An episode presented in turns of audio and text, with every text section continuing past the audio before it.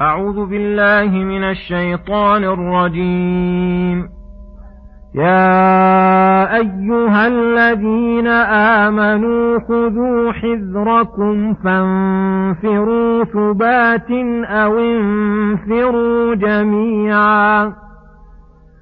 وإن منكم لمن ليبطل لتخطئن فإن أصابتكم مصيبة قال قد أنعم الله علي إذ لم أكن معهم شهيداً ولئن أصابكم فضل من الله ليقولن كأن لم تكن بينكم وبينه مودة يا ليتني يا ليتني كنت معهم فأفوز فوزا عظيما فليقاتل في سبيل الله الذين يشرون الحياة الدنيا بالآخرة ومن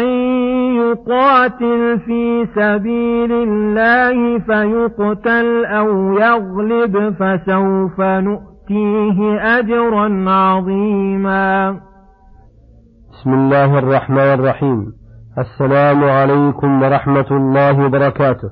يقول الله سبحانه يا أيها الذين آمنوا خذوا حيركم فانفروا ثبات أو انفروا جميعا وإن منكم لمن ليبطئن فإن أصابتكم مصيبة. قال قد أنعم الله علي إذ لم أكن معهم شهيدا. الآيات. يأمر تعالى عباده المؤمنين بأخذ حذرهم بأخذ حذرهم من أعدائهم الكافرين.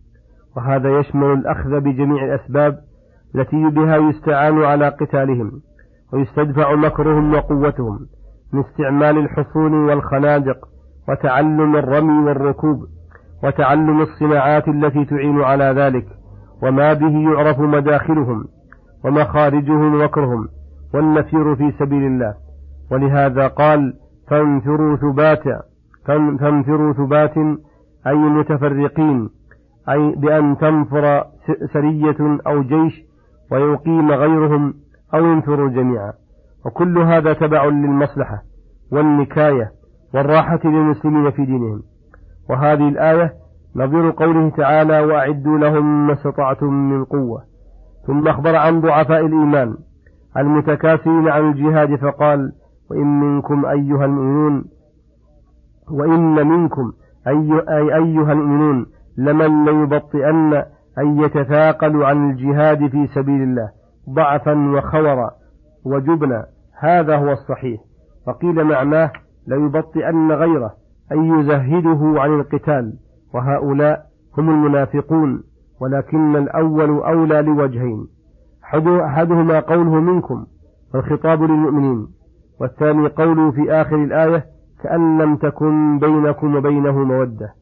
فإن الكفار من المشركين والمنافقين قد قطع الله بينهم بين وبين المؤمنين المودة.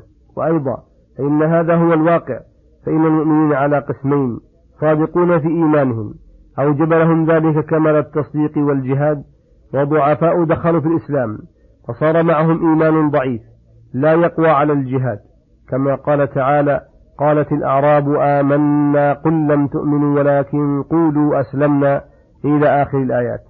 ثم ذكر غايات هؤلاء المتثاقلين ونهاية مقاصدهم وأن معظم قصدهم الدنيا وحطامها. فقال فإن أصابتكم مصيبة أي هزيمة وقتل وظفر الأعداء عليكم في بعض الأحوال لما لله في ذلك من الحكم. قال ذلك المتخلف قد أنعم الله علي إذ لم أكن معهم شهيدا. وأي رأي رأى من ضعف عقله وإيمانه. رأى من ضعف عقله وإيمانه أن التقاعد عن الجهاد الذي فيه تلك المصيبة نعمة ولم يدري أن النعمة الحقيقية هي التوفيق لهذه الطاعة الكبيرة التي بها يقوى الإيمان ويسلم بها العبد من العقوبة والخسران ويحصل له فيها عظيم الثواب ورضا الكريم الوهاب. وأما القعود فإنه إن استراح قليلا فإنه يعقبه تعب طويل وآلام عظيمة. ويفوت ما يحصل للمجاهدين أي من الأجر العظيم. ثم قال وإن أصابكم فضل من الله أي نصر وغنيمة ليقولن كأن لم تكن بينكم وبينه مودة يا ليتني كنت معهم فأفوز فوزا عظيما.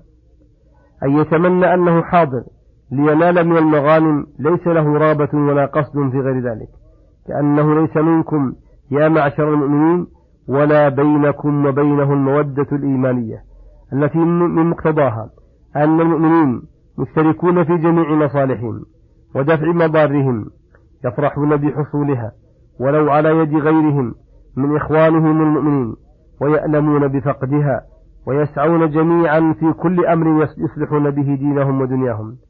فهذا الذي يتمنى الدنيا فقط ليست معه الروح الإيمانية المذكورة.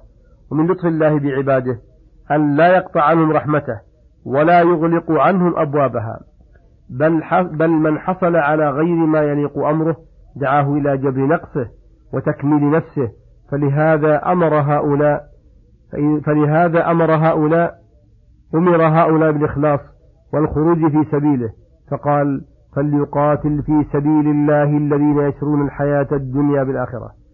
هذا أحد الأقوال في هذه الآية وهو أصحها.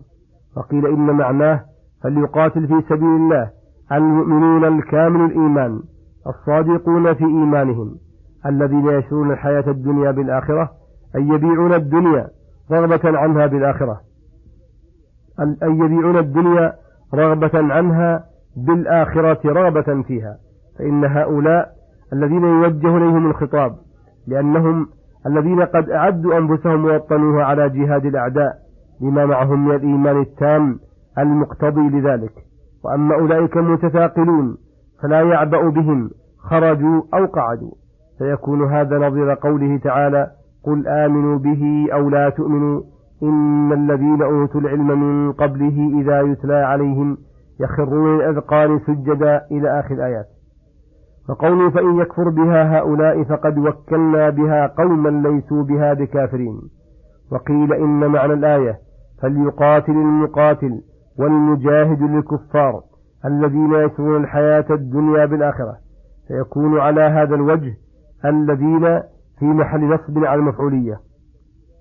ومن يقاتل في سبيل الله بأن يكون جهادا قد أمر الله به ورسوله فيكون العبد مخلصا لله فيه قاصدا وجه الله فيقتل أو يغلب فسوف نؤتيه أجرا عظيما.